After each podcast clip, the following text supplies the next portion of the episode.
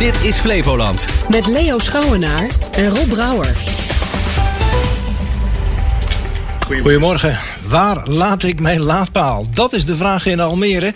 Ook daar zien ze in de toekomst natuurlijk steeds meer elektrische auto's rondrijden. Maar dan moeten er wel genoeg laadpalen zijn. Nou, straks een vooruitblik op het jaar 2030. En, en er is genoeg schrijftalenten in Flevoland. Twee schrijfsters hebben een prijs gekregen. Gaan in de toekomst steeds meer elektrisch rijden, maar dan moeten er wel voldoende laadpalen zijn. Almere heeft in 2030 meer laadpalen nodig dan ze dacht. In 20 werd er nog uitgegaan van 2500 palen. Maar nu staat de prognose op 5.500 palen. Meer dan een verdubbeling. Maar volgens wethouder Sprong valt het wel mee. Almere is een van de koplopers qua laadpalen in Nederland. En wij vinden dat heel belangrijk voor onze inwoners. Dat als ze de komende jaren de keuze willen maken naar een nieuwe auto. Dat die heel vaak zal die elektrisch zijn. Dat ze geen twijfels hebben of ze de auto wel kunnen opladen als ze s'avonds thuiskomen. Feit blijft dat ook in Almere in 2030 een schreeuwend tekort aan laadpalen voor stekkerauto's is. Wel 3000 te weinig. Had u dat niet kunnen voorzien? Nee, dit is een van de aanpakken die we juist kiezen om te zorgen dat we en snelheid kunnen maken, maar wel ondertussen transparant kunnen zijn naar de inwoners. Waar kijken we, naar welke locaties kijken we? En voor de mensen die een laadpaal willen aanvragen, dat ze ook kunnen zien van nou, waar zou dat eventueel mogelijk zijn? Sprong wil nu oplossingen en gaat de gemeenteraad vanavond een nieuwe kaart presenteren met 900 mogelijke oplaadlocaties. Het accent komt niet te liggen bij de plekken die gewild zijn, maar laadplekken die eenvoudig te plaatsen zijn. En dat is enerzijds om inwoners dus goed van tevoren al te informeren van nou, bij u in de buurt zou die daar kunnen komen. En anderzijds voor mensen die zeggen van nou, ik overweeg een elektrische auto, maar ik wil weten van als ik een laadpaal ga aanvragen, waar komt die dan? Die kunnen dan ook alvast kijken en daar eventueel ook hun beslissing op baseren. Toch wil de wethouder ook de behoeften van inwoners laten meewegen in de keuze van de plek van de laadpaal. Wij kunnen van alle palen kunnen we monitoren hoeveel hoeveel ze gebruikt worden. En dat betekent dat er steeds, als er tekorten zijn in een bepaalde wijk, we daar, daar, daar palen bij plaatsen om te zorgen dat we er steeds voldoende capaciteit hebben. Stroom aftappen in je eigen huis, voor je auto, voor de deur, zoals een paar jaar geleden gebeurde, dat zet niet echt zoden aan de dijk. Overal kabels over de stoep, dat is ook niet wenselijk. Want dat is voor mensen die bijvoorbeeld minder valide zijn weer gevaarlijk. Ook als je daar een, een, een dekseltje overheen legt? We hebben gekeken naar wat oplossingen daarvoor zijn. En bijvoorbeeld is een systeem met de zogenaamde kabelgoottegel. Alleen dat is een wel een vrij dure oplossing die ook vrij arbeidsintensief is. Dus ons voorstel aan de gemeenteraad is om nu eerst in te zetten om te zorgen dat de grote hoeveelheid van die palen daarbij komt. En dit dus voorlopig even niet te doen. Een groot probleem lijkt nog wel het stroomtekort dat vanaf 2026 in Almere dreigt. Op een gegeven moment heeft u misschien dan wel de palen, maar kan er dan stroom geleverd worden? Ja, dat is dus ook bij dit onderwerp is dat dus inderdaad een, een zoektocht. We weten dat we in een deel van de stad momenteel een probleem hebben. In het andere deel kan het doorgaan. En dat betekent dat we dus ook constant in gesprek met de netbeheerders zijn uh, naar oplossingen hiervoor. De gemeente moet nog onderzoeken waar de resterende 2000 laadpalen moeten komen. Bijdrage was dit van Sam Jones. De 17-jarige Letitia Speur uit Almere heeft de IVO Andries Schrijnerprijs 2023 gewonnen. De tweejaarlijkse prijs voor Jong Flevoland Schrijftalent werd gisteravond uitgereikt in Lelystad. Naast een oorkonde ontving Letitia ook een cheque van 1250 euro. En dat allemaal voor haar ingezonden verhaal met als titel Op weg naar het eindpunt. Een rammelende kettingkast zodra ik de weg oprijd. De wind rukt aan mijn haren en kleren en er liggen diepe plassen op de weg. Terwijl ik door de plas rijd, spat het water zo hoog op dat mijn nieuwe regenbroek binnen enkele seconden nat zou moeten zijn. Een fragment uit het verhaal van Letitia. Dat zoveel indruk maakt op de jury dat ze won in de categorie tot en met 18 jaar. Ik ben heel blij. Ik had het niet verwacht. Um, en ik ben eigenlijk een beetje sprakeloos. Ik weet niet goed wat ik moet zeggen. Juryvoorzitter en oud-gedeputeerde Andries Schrijner is enthousiast over de jonge winnares. Zij maakt een verhaal met een uh, hele plotselinge wending erin. En dat is eigenlijk wel knap, want ze zet je helemaal op het verkeerde been. Je denkt te maken hebben met, met een, wel, een genoeglijk tafereeltje, niks bijzonders aan de hand. En dan opeens valt er een dode. Ja, en opeens zit ze bij de politie. En opeens is de politie een kip. En dan blijkt het een game te zijn. Mijn regenbroek moet wel heel erg waterafstotend zijn. Maar ik ben blij dat ik niet nat word. Ik schrijf niet heel veel. Zeg maar, dit was het eerste verhaal dat ik echt had geschreven. Verder schrijf ik gewoon voor mezelf in mijn eigen tijd. Maar niet echt voor andere mensen. Dus dit was echt de eerste keer. Waarom heb je daar zo'n behoefte aan om te schrijven? Ja, gewoon de vrijheid dus om jezelf te uiten. En je gevoelens onder woorden kunnen brengen op een andere manier. En gewoon heel veel fantasie, vrijheid, creativiteit die je kan gebruiken bij het schrijven. De moeder van Letitia, ook aanwezig bij de uitreiking, straalt van oor tot oor. Oh, ik ben heel uh, trots dat ze heeft gewonnen. Ook als ze niet had gewonnen, vind ik het al heel leuk dat ze heeft meegedaan met deze wedstrijd. Ja. ja, want is ze echt heel veel met schrijven of met taal bezig? Um, ja, ze is wel heel veel bezig uh, vanaf kinds af aan met uh, af en toe iets schrijven. En dan liet ze me dat lezen en dat vond ik altijd heel leuk uh, om te lezen. En ze leest ook veel boeken, net als ik. Echt een jong talent. Ja, zeker. Die zien we nog, gaan we vaak tegenkomen. De lucht is grijs en er hangen regenwolken in. Als je de tijd neemt, kan je verschillende voorwerpen en dieren herkennen in de wolken. Een schaap, een kip en een fiets. Kijk uit. Dat was Letitia Speurs. won de Andries Grijnerprijs in de categorie tot en met 18 jaar. Boven de 18 is er ook een winnaar gekozen door de jury. Anouska Jorritsma, ook uit Almere. Het was een bijdrage van verslaggever Roger Dankerlui. En dan, wat hebben we gisteren gemist op radio en tv? Nou, op één begon met de mededeling... Uh, het Laat Laat praatprogramma gaat stoppen. Dat meldde het AD tenminste gisteren.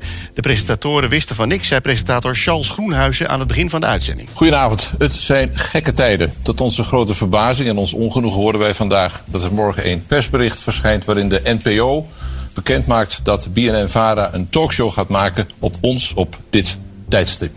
Dat valt ons, rauw op het dak. Maar u bent nog niet van het, ons af. We gaan nog zes maanden knallen. Ja. Oh. Eén. Als hij het zo zegt, denk ik nou, dan wordt een knalfeest. Ga je het missen? Nee, nee, nee, nee. nee. Oké. Nee, weet je wat het is met op één?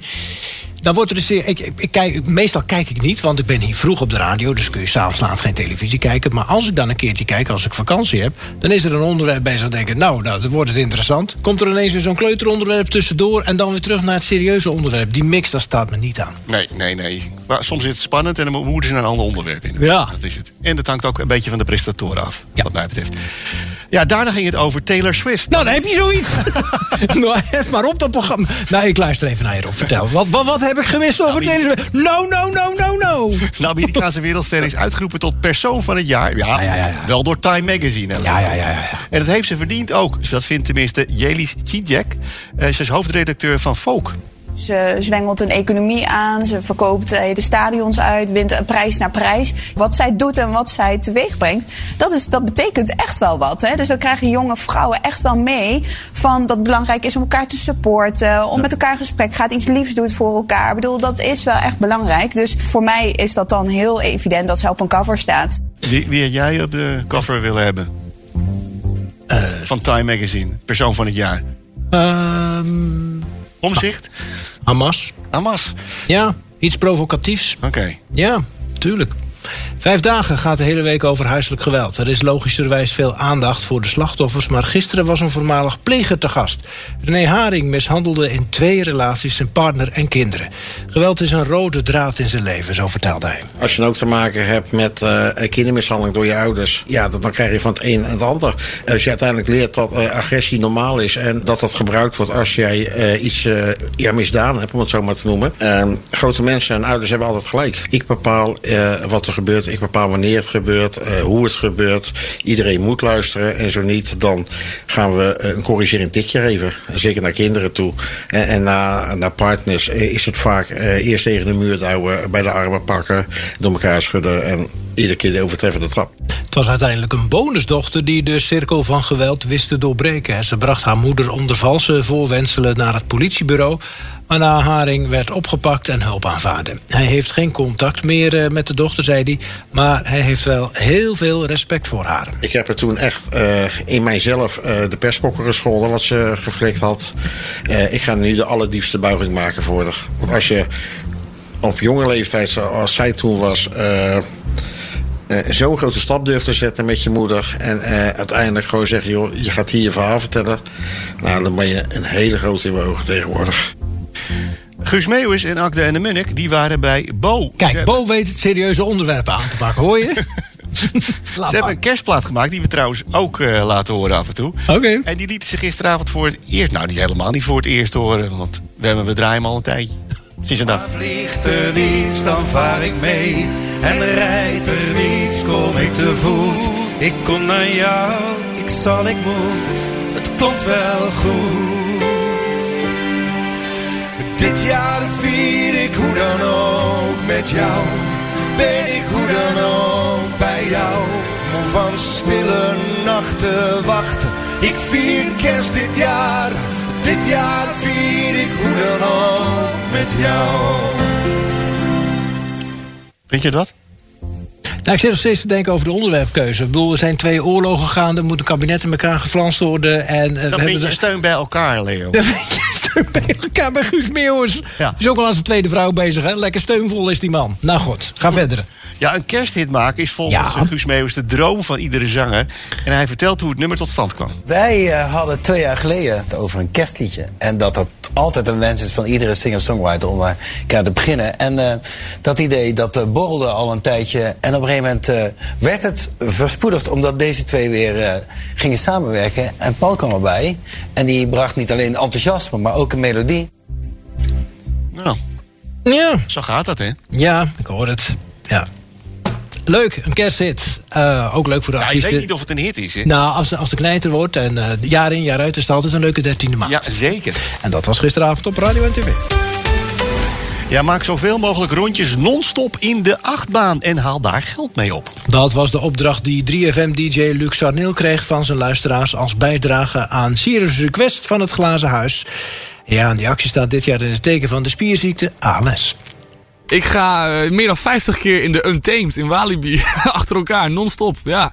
Hoe kom je daar nou bij? Het is een actie voor 3FM Series Request. We komen dit jaar in actie voor Stichting ALS Nederland. En per 10 euro die gedoneerd is, ga ik dus een ronde doen in die, in die achtbaan. Vlak voor de start hoorde de DJ via 3FM de laatste stand. 58 rondjes. Oh, oh, oh, oh, oh, oh, oh. DJ Luc ging niet als enige in de Untamed. Een groep luisteraars mocht mee. Zoveel ze maar wilden. Heb je er zin in?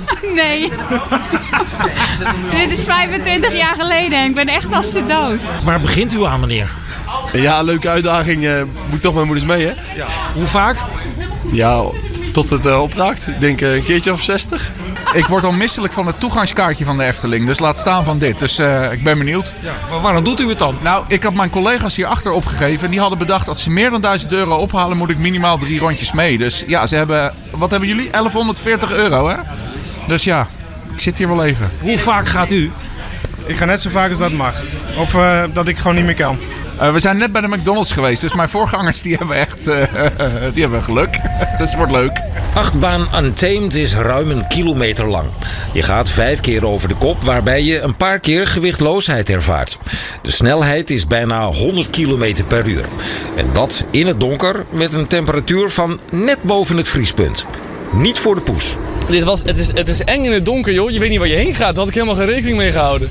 Je ziet niet wat er gebeurt. Je wordt verbaasd door links, rechts, boven, onder. Maar eh, nou, nog 57 keer maar. De actie van Serious Request heeft als thema Lock Me Out.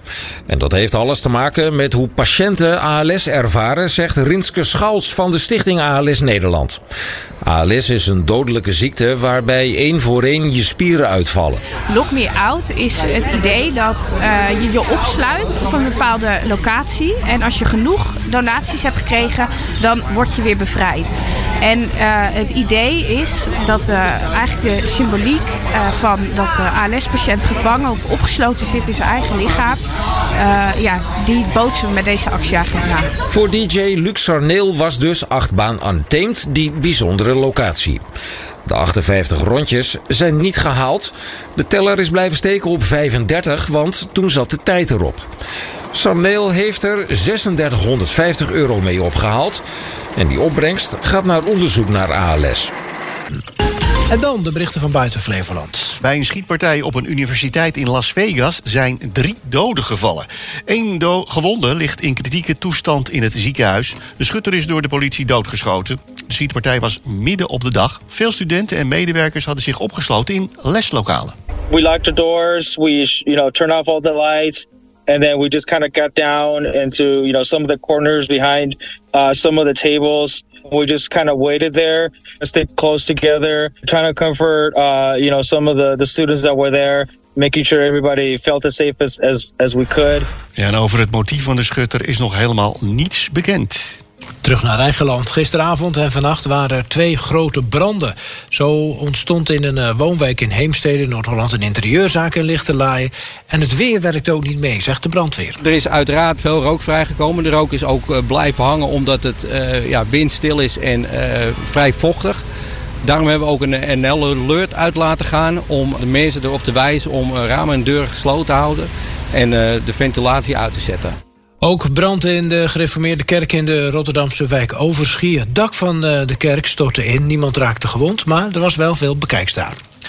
Ja, uh, ja, heel veel gepraat in Hilversum. Scho uh, geschokte reacties, want het late praatprogramma Op 1 gaat stoppen. Dat werd gisteren bekend. In het maar, AD?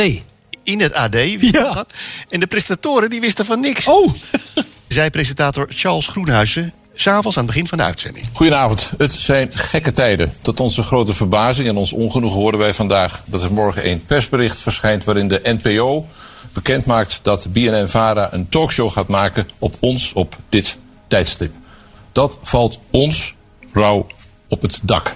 Maar u bent nog niet van het, ons af. We gaan nog zes maanden knallen. Knallen.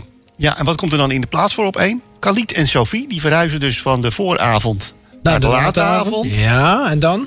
En voor nou, en nou, Sophie... nou, nou, nou, nou, nou. Wie is er weggekomen bij RTL 4? Eva Jinek mag weer af en toe een maandje tv maken. Oké, okay, we gaan het afwachten. Komende zaterdag ben je weer welkom in het Weekendcafé. Wij zijn live te zien en te horen vanuit de Botterschuur op Urk. Praat mee over actuele zaken in jouw gemeente. Of luister naar interessante, bijzondere en opmerkelijke Urkers. Het Weekendcafé. Elke zaterdagochtend tussen 10 en 12 bij Omroep Flevoland op radio, tv en het wereldwijde web.